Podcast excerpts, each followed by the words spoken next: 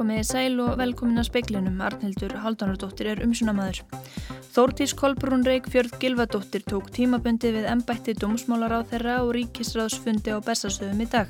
Ráðstöðun er til nokkura viknað sögn Bjarnar Benediktssonar fjármálar á þeirra og formann sjálfstæðisflokksins. Breskir þingmenn hafa undanfærin klukkutíma greitt atkvæði um tillögur sem snúa því að fresta brexit útgöngu breyta úr Európa-sambandinu. Tillögu um að halda nýja þjóðaratkvæðagreðslu var hafnað með miklu meiri hluta.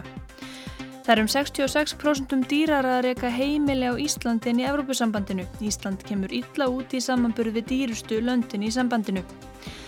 Lóðnubresturinn er sveitarfjölugum sem byggja tilveru sína á vinslu uppsjávarabla mikið áfall. Nýja rannsóknir og uppgötanir benda til þess að handan Plútó sé plánata sem sé um það byrj tíu sunum stærra en jörðin. Sumt fólk með þroskahömlun þrýfst ekki innan hefðbundina úrræða. Það átti við um Gísla Björnsson. Líf hans gjör breytist til hins betra þegar hann fekk MPA en móðir hann segir nýja fyrirkomulagi þó ekki galla lust.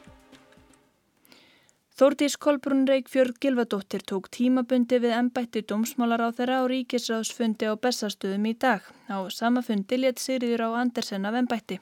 Þórdís gegnir ennbætti dómsmálar á þeirra samhliða ennbættir á þeirra ferðamála yðnaðar og nýsköpunar. Ráðstöfunin er til nokkura vikna sög Bjarnar Bendiktssonar fjármálar á þeirra og formans sjálfstæðisflokksins. Þórdís var spurða því við komuna á ríkisráðsfund á bestastöðum hvort þetta væri ekki of mikið fyrir einn ráð þeirra. Já þetta er eins og ég segi þetta ekki hérna, hugsað til lengri tíma. Það verður að koma í ljós hvað þetta verður nákvæmlega langu tími. Þetta eru þetta tvö starfandi ráðniti með fullt af góðu starfsfólki og, og ég hérna, umkring góðu fólki sem er leiðis. Þannig að ég treyst mér alveg í það að halda utanum þessi verkefni svona á næstunni en, en þess vegna líka er þetta hugsa tímabundi. Katrínu Jakobsdóttur fórsættisráður að líst vel á nýjan dómsmálar á þeirra. Ég held að Þórtís munir bara valda þessu verkefni vel eins og öðrum þeim verkefni sem hún hefur haldið utanum og held að þetta verður bara farsalur ástofun. Sigriður á Andersen er líka ánað með artaka sinn. Ég óska henni allra heilla og hún er full fær um að sinna þessu ennbætti eh, þannig að eh, ég hef miklu að trúa því að hún eh, geti skapa þá ró eins og ég var nú ástæð fyrir því að ég stið til liðar hérna. Sigriður segir það ekki að verið erfitt að hverfa af ráðherrastóli svona sé nú pólitíkin. Sigriður leggur áherslu á að best fari að einn ráðherra sé yfir dómsmálunum. Það geti verið tímabundin ráðstöfun að annar ráðherra taki við málafloknum samhliðaðurum en til lengri tíma litið sé besta ráðunitið hafi sinn ráðherra.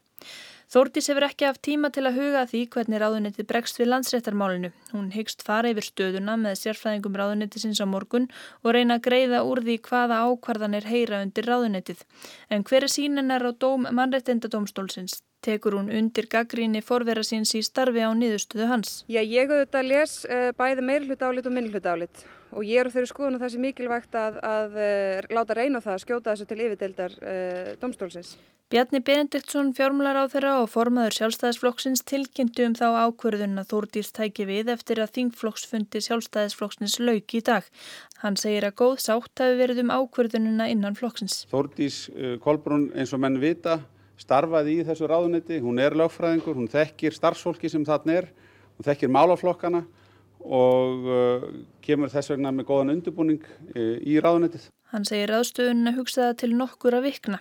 Hún þýði ekki að það hafi ekki verið neitt augljós arftæki í flokknum, heldur frekar að ekki sé hægt að hlaupa til og skipa í ráðherrastóla og innan við sólaring. Ég held að þetta sé langt besta niðurstöðan, uh, enda er hún hugsuð til þess að skapa rými Uh, til þess að ákveða næstu skref. Bjarni segir að það komi vel til greina að Sigriður á Andersen snúi aftur í ennbættið síðar á kjörtímabilinu. Hvort að Sigriður Andersen kemur aftur í ríkistjórnuna síðar á kjörtímabilinu er mál sem ég get bara ekki svarað núna en það er alveg gal opið fyrir það. Saði Bjarni Bendiktsson.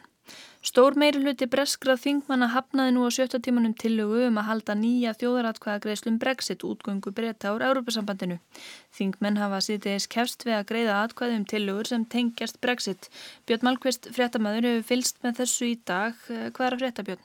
Já, hvað er að frétta?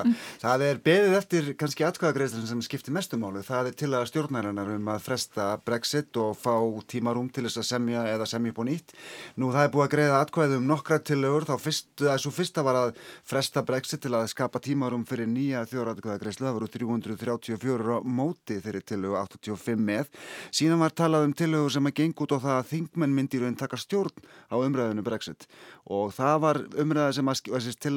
en taka stjórn á umræðinu Brexit. Og það var umræða sem að, sem að skipti miklu máli fyrir stjórnina. Það er svona ákveðin valdabarat á milli þingsins og stjórnarinnar þessu dagana.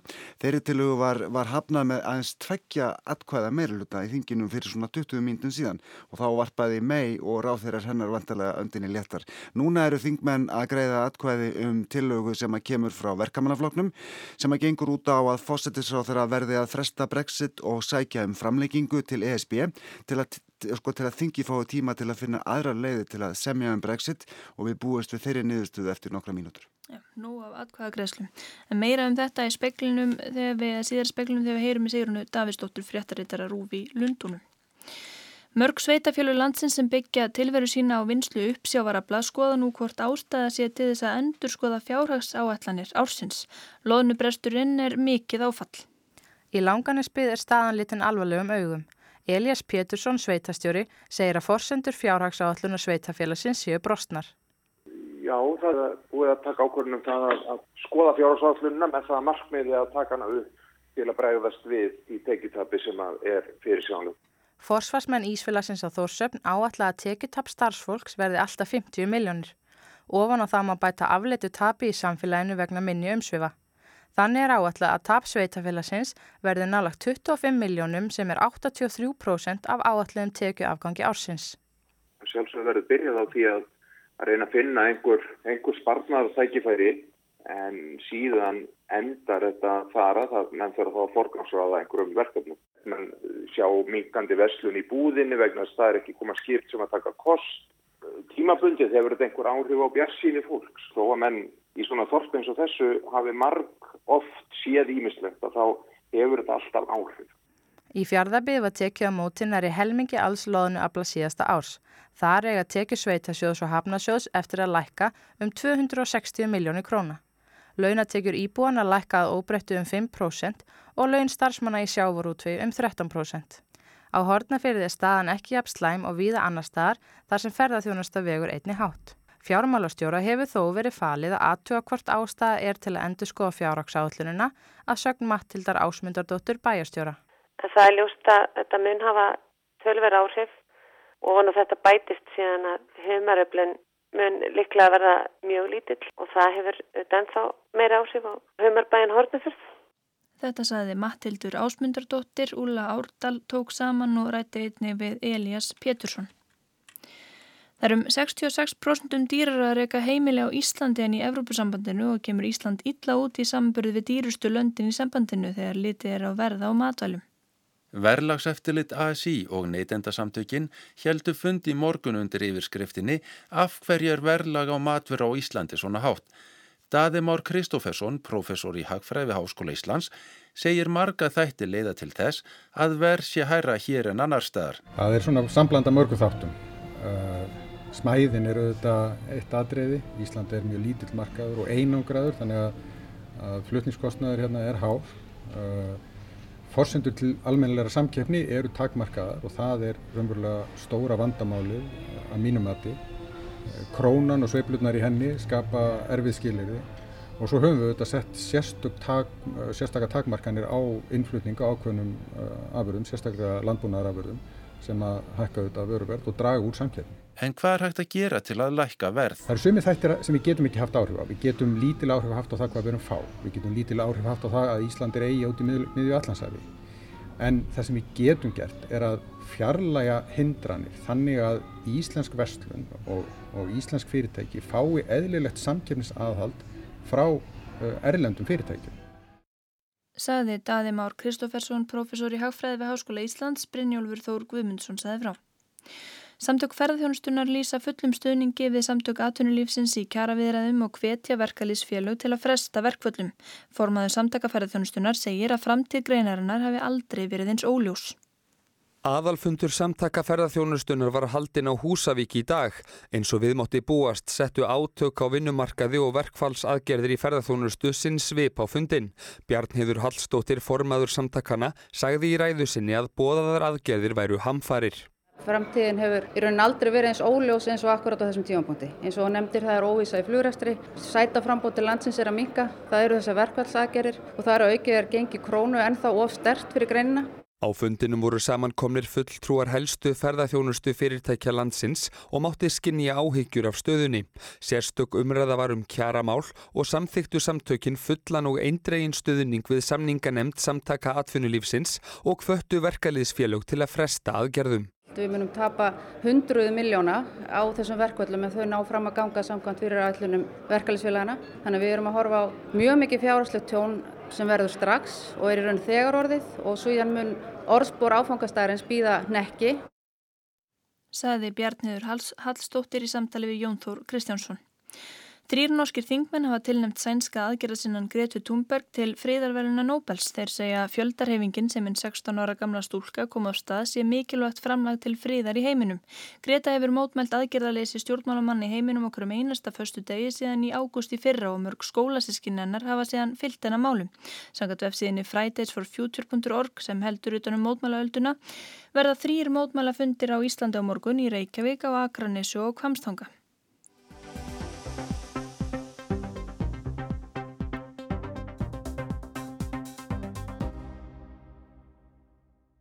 Þetta er vikan sem Brexit línutnar í breska þingi nátt að skýrast. Þingi hefur núna verið að kjósa um Brexit tengt efni þrjá dag í rauð. Sigrun Davísdóttir, áður við komum að atbyrjun dagsins í dag. Hvað hafa atkvæða greiðslutnar undanfarna daga snúistum?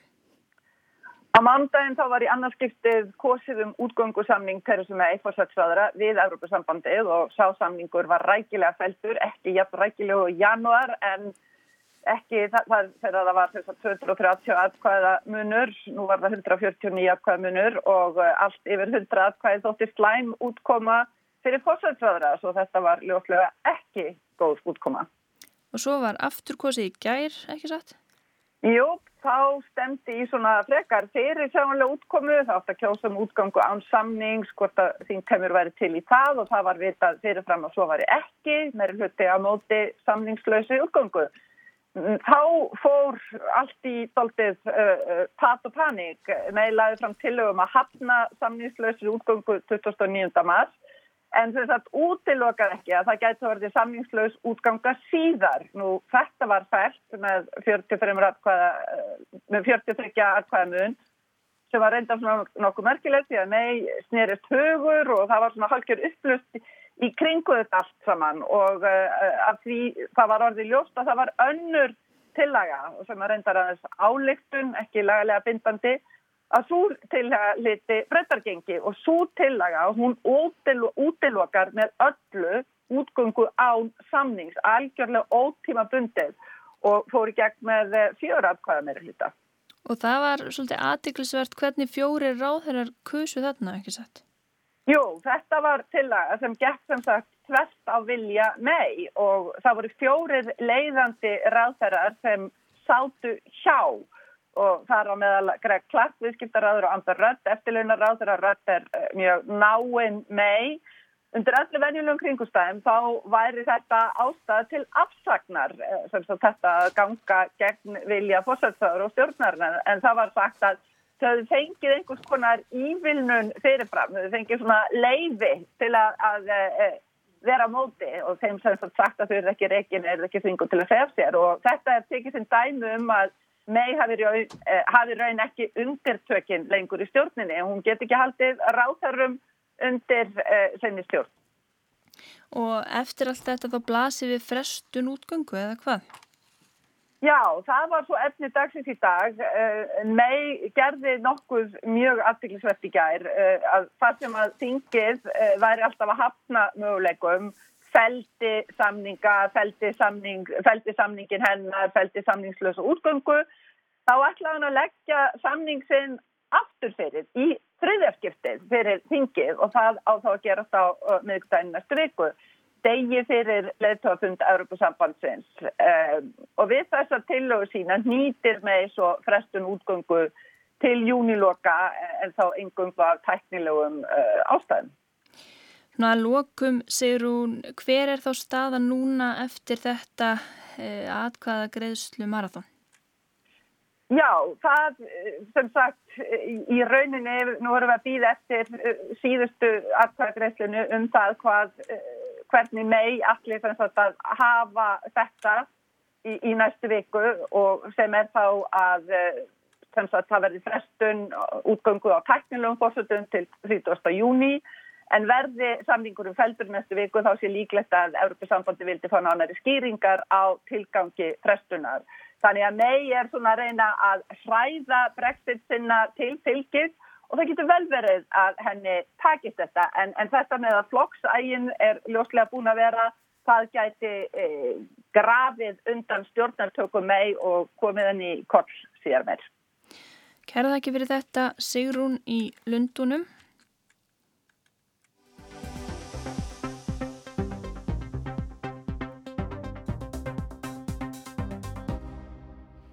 Sumt fólk með þroskahömlun þrýfst ekki innan hefbundina úrræða því líður einfallega illa. Það átti við um Gísla Björnsson. Lífans gjör breytist til hins betra þegar hann fekk NPA en móðir hans segir nýja fyrirkomlegi þó ekki galla laust. Formaður þroskahjálpar fagnar því að fólk með þroskahömlun eigi rétt á NPA en segir það einingis nýtast litlum hluta. Margir upplifi sig enn ófrjálsa á sambílum og í búsetukjörnum. Já, ég heiti Gunnhildur Gísladóttir og er móður Gísla. Þetta er þetta bóða? Þér leiði ekki vel í, á sambílinu. Nei. En hvernig er með NPA? Líði þér betur með NPA? Já. Það, við eiginlega enduðum í öngstræti. Þetta var orðið þannig að, að þegar hann kom heim til okkar þá fylgst það hvíða yfir að þurfa að fara og, og það var mjög erfitt að, að fara með hann aftur heim til sín á sambílið. Þannig að við gáfumst upp á þessu og, og, og okkur var bóðið þetta úrræði að fá bengrislu samning en þá var MPA ekki ennþá komið til. Það var lengi tvísynd með það hvort fólki með þróskahömlunir þið tryggður réttur til notendastýðrar persónlegar aðstóðar. Svo komu íslensku löginni fyrra og þar er þetta á tæru. Fólk með þróskahömlun á sama rétt og annað falla fólk með langvarandi stuðningstarfir. Gunnhildur segir að á sambílinu sem Gísli bjóa hafi verið fimm einstaklingar og tveir starfsmenn. Þjónustan hafi ekki verið mjög einstaklingsmiðuð. MPA hafi aftur á móti gert Gísla kleift að vinna og lifa fjölbreyttu og innihaldsríku lífi. MPA kemur í staðin fyrir þann stuðning sem hann nauti hefðbunnakerfinu. Hann getur því ekki lengur nýtt ferðarþjónustu fatlara, atvinnu með stuðningi, liðveislu eða annað. Gísli býr í eigin íbúð og það er að sjá Gunnhildar ákveðin fórsenda fyrir því að hann hefur getað nýtt sér MPA. Gísli getur ekki séð um verkstjórnina sjálfur, hann er því með svo kallaðan aðstóðarverkstjóra. Sem að les svolítið hugsanir hans, eða les væntingar og býður honum upp á ímsakosti og þannig er þetta samvinna á milli aðstóðarverkstjórnarnas og Gísla að finna út úr því hvernig, hvernig lífi maður vil lifa. Og er þetta einfalt mál heldur að vera aðstofaverstjóri og, og svona tólka hans vilja um, hefur ekkert áhyggjur á því að, að það svona skólist eitthvað til og, og aðstofaverstjórin kannski átti sig ekki alltaf alveg á því. Hvað hann vil? Jú, vissulega getur þetta verið flóki mál að finna út úr þessu. En e, það sem allavega eins og Gísli hefur lifað þessi ár með MPA þá hefur hann verið mjög gladur og honum hefur farið mikið fram. Hann er orðið mjög sjálfstæðri þannig að ég get ekki sagt að hann þetta hafi gengið vel en þetta er ábyggileg ekki átakalust fyrir, fyrir aðstofavextuðan og, þetta er krefjandi starf. Gísli, skilur aðstofaverkstjórun alltaf það sem þú ert að reyna að segja hann? Já. Það er gott. Þú? Gunnhildur nefnir ákveðna galla við MPA. Eitt lítur á því að þau telja brindar á það faglært fólk til að gegna stöðu aðstofaverkstjóra en takstatnir frá sveitarfélaginu miða við að aðstofarverkstjórin sé ófaglærður. Þetta hefur verið ákveðin barátt að þessu Gunnhildar. Hún nefnir líka að hún hef ekki fengið aðstof við að koma þjónustun á laggirnar á tilraunatímbilinu. Það hefur kostað mikla vinnu að átta sig á því hvernig þetta útfærana. vissulega var MPA-miðstöðun, hún, var, hún varð síðan til og, en við ákvaðum að sjá sjálf um reksturinn þannig að þá þurfum við að, að sjá um reksturinn og, og taka aflýsingar ef að stafsfólk forfallast og sjá um vaktaplön og svo framvegs. Þannig að þetta er í höndum okkar aðstandenda gísla. Já, og þetta er þetta tölverð vinna og, og hérna fólk þarf að vera tilbúið að taka þetta að sér eh, eða vestla við NPA-mistöfum sem vissilega er hægt að gera en við völdum þessa leið vegna þess að e, við Já. vildum nýta freka peningin í að, að hækka launstarfsmanna þannig að við séum betur samkjöfnisægumarkana. Þetta hefur verið vinna en Gunnhildur segir alla vinnuna hafa borgað sig. Einstaklingum með þróskomlinn eins og gísli sko það er svona svolítið fyrirfram ákveði það er á fyrirfram Já. ákveðinu hillu sem gísli er búin að yfirgefa og, og hann er bara komin út í lífið og okkur hefði aldrei óra fyrir því að Gísli væri á þeim stæði lífinu sem hann er í dag svona þegar hann var lítill og við hugsaðum um framtíðans. Bryndi Snæpursdóttir formaði þróskahjálpar fagnar því að hér hafi verið farin svo leið að tryggja fólki með þróskahömlun rétt til MPA. Það sé ekki náttúrulegu mála að fólk sem er með þróskahömlun sækist sérstaklega eftir því að deila lífinu með öðru fölluðu fólki. Þeir úr hópi þróskahamlara sem hafi fengið MPA hafi flesti reynd önnur úræði og ekki liðið velðar. En sem komið er er NPA takmarkaður réttur þá að fjölga samningum smám saman. MPA verður því ekki löst fyrir alla með föllun á næstu árum og það hendar heldur ekki öllum. Sumir vilja það ekki eða óttast að sækjum MPA. Eftir setur allur fjöldin sem að færingar réttarbætur í, í sínu lífi og býr ennþá við sama, ef við getum sagt, ófrælsið og það þarf auðvitað að skoða þann hóp. Sko, það, það er alveg ég er þessi réttind, það er bara ekki verið að veita þeim það vegna að það er ekki settið peningar í það það má ekki gleima þessum þætti. Mér finnst þann svolítið gleimast í þessu að því að, að það er eins og töfra orðið þessi MPA. Bryndi segi mörg sveitafélög vinnað því að auka sjálfstæði fólks í búsettukjörnum. Reykjavíkuborg hafi til dæmis þjálfað starfsfólk í því að veita þjónustuna á forsendum notenda en það þurfi að fylgja fjármagn. Undirmönnunin gerða verkum að fólk þurfa að fara á fætur þegar það hendar starfsmönnunum og fara á sömu bíómynd og allir hinnir. Aðalbjörg Traustadóttir, skrifstofustjóru á velferðarsviði borgarinnar, segir hægt að auka sjálfstæði fólks í hefbunnum þjónustúræðum. Hún segir að ákveðnum sambílum og íbúðakjörnum sé þjónustan einstaklingsbundin og jafnvel maður á mann. Þetta far eftir mati á þjónustu þörf einstaklinga sem þar búi. Það sem þörfum fyrir þjónustu sé minni og einstaklingar þurfa að deila starfsfólki sé erfiðar að einstaklingsmiða þjónustuna. Sumstaða gangi sérst vel en annar staðar sé lengra í land. Björgun Björgvinsson býr í búsutukjarna og finnst þann ekki hafa næga stjórn á eigin lífi. Ég fæ ekki að ráða með hvernig ég myndi bú, vilja búa og fæ ekki að vera með til að vera ráða starffólk inn hjá mér. Að mér líður svona eins og sé ekki að ráða mín lífi sjálfur. Já ég, ég upplifa það svolítið eins og við séum út undan öðrum að deila stöðgildi með öðrum íbúum af því það er að fá er stafsmenn á vakt og það er bara ekki nóg gott. Hann nefnir til dæmis að hann þurfa að láta vita með eins eða tveggjata fyrirvara þurfa hann að fara út í búðu að kaupa fatnað eða aðra nöðsynjar. Hann segist alveg vilja MPA en að hann sé óerugur gagvarti. Bryndís horfið til Finnlands. Þar getur fólk sem býr í bústukjörnum fengið MBA að hluta. Þá er sameigilega næturvakt fyrir alla en íbúar geta fengið notendastýrða persónulega aðstóða daginn. Þetta held ég að væri alveg tækifæri til að útfæra betur hér á landi en það hefur ekki mikið verið rætt. Við erum svolítið alltaf í, í því að tala um sko hvað er reyn hugmyndafræði. Reyn hugmyndafræði er að þú ráðir í lífinu þínu 24 tíma og svo framvegis. Þannig að margir hafa verið að móti því að fara í svona hluta MPA út af því. Á sama tíma verðum við að horfast í, horfast í aug við þann veruleika að það eru takmarkaði fjármunir. Við verðum að reyna að útdeila þeim á einhvern skinsamlegan hátt. Við erum öll skattborgarar og þannig er ákveðin skinsemi. Saði Bryndís Snæpustóttir.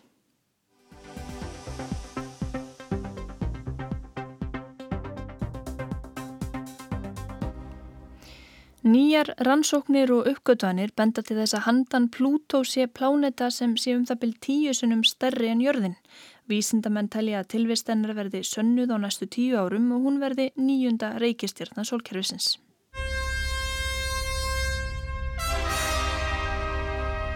Það er ekki íkja langt síðan að fólk trúðið í almennt að Plútó væri við ystu mörg sólkerfisins. Handan Plútó ríkti myrkrið eitt. Það var ungur stjórnu áhuga maður Clyde Tombaugh að nafni sem uppgötaði Plútó árið 1930. Hún var þegar í stað flokku sem reykistjarnar en fjallað þeim stalli árið 2006. Þá höfðu menni í rúman áratugur rannsakað Kæperspeltið sem er handan Plútó Þar er fjöldi smánatta á starfi Plútó og því komust menna þeirri niðurstöðu að Plútó væri ekki lengur reykistjarnar. Síðan þá hefur sólkerfið okkar státað af átta plánetum. En það kann að breytast að nýju. Á síðustu vikum og mánuðum hafa komið fram upplýsingar og vísbendingar um að nýjundu plánetunni verði sennbættinn að nýju. Og það meira segja pláneta sem enginn hefur séð en þá. Grunur fræðimanna um að handan Plútó sé enn stærri og óþektari heimur en áður var talið er nátengtur rannsóknum á Kæpersbeltinu sem leti til stöðuleikunar Plútós á sínum tíma. Árið 2016 settu tveir stjarnæðlisfæðingar Konstantín Badigín og Michael Brown fram þá kenningu að handan Plútós væri að finna stjörnu sem hefði tíu sinnum meiri massa en jörðin og væri heil 15.000 ár að fara í kringum sólina. Meinið er að enginn hefur séð þessa stjörnu. Batikín og Brán sendu svo frá sér endur skoðaða grein um þessa nýju stjörnu í síðasta mánuði. Þar segja þeir að það sé afar erfitt að útskýra reyfingar í snattana í kæpurspeltinu nema með því að einhver starinn á greinu sé stór plánetta sem framkalli þessar reyfingar. Brán sem á sínum tíma átti stóran þátti því að fella Plútó af stalli sem reykjastjörnu telur líklegt að innan tíu ára verði búið að sanna tilvist þessarar stóru plánetu. Annar hópur vísindamanna sem hefur grúskað mikið í kæpersbeltinu og hefur í raun uppgötað 80% þeirra natta sem eru í beltinu sem liggur í 9 miljardar kílometra fjallega frá sólinni, uppgötað í lók síðasta árs útstyrni sem þremenningarnir kalla far átt eða langt í burtu til þess að undirstryka gríðarlega fjarlæða þess frá sólinni eða um 19 miljardar kílometra sem er þrísvarsinnum lengra en vegalengdin á milli Plútós og sólarinnar. Og þeir heldu áfram að uppgöta útstyrni þarna lengst út í buskanum. Fyrir þremur vikum tilkynntu þeir að þeir hefðu uppgötað enn annað útstyrni enn lengra í burtu.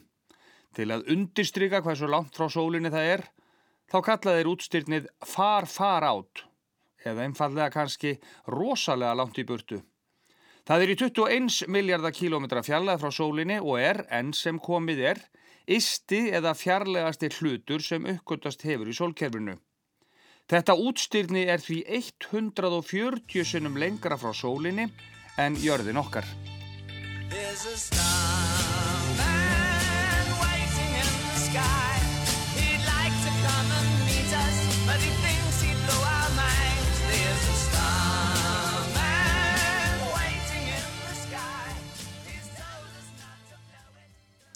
Þannig heyrðu við tóna á læginu Starman með David Bowie, Jóhann Hlíðar Harðarsson tók pistilinn saman.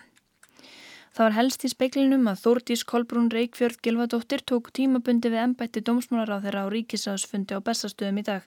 Ráðstöðun er til nokkura vikna að sjökk Bjarnar Bendiktssonar fjármálaráð þeirra og formans sjálfstæðs, sjálfstæðisflokksins. Breskir þingmenn hafa undanfærin klukkutíma greitt atkvæðum tillugur sem snúa því að fresta Brexit útgöngu breyta úr Evrópustambandinu. Tillugum að halda nýja þjóðaratkvæðagreyslu var hafnað með miklu meiri hluta. Það er um 66% um dýrar að reyka heimili á Íslandi en í Evrópusambandinu. Ísland kemur ítla út í samburð við dýrustu löndin í sambandinu þegar litið er á verð á matvælum. Lóðnubresturinn er sveitafélögum sem byggja tilveru sína og vinslu uppsjávara bla mikið áfall. Nýjar ansóknir og uppgötanir benda til þess að handan Plútó sé pláneta sem sé um það byrj tíu sunum stærri en jörðin og sumt fólk með þróskahömlun þrýfst ekki innan hefðbundina úrræða þá áttu við um Gísla Björnsson líf hans gjör breytist til hins betra þegar hann fekk NPA en móður hans segir nýja fyrirkomlaði þó ekki galla laust. Og veðurhorfur á landinu til miðnættis annað kvöld, austan kaldi eða strekkingur en hægari suðvestan og vestanlands úrkoma í flestum landslutum, engum austalands, fremur svalt. Fleiri ekki speklinum í kvöld, tæknum aður var Ragnar Gunnarsson, verið sæl.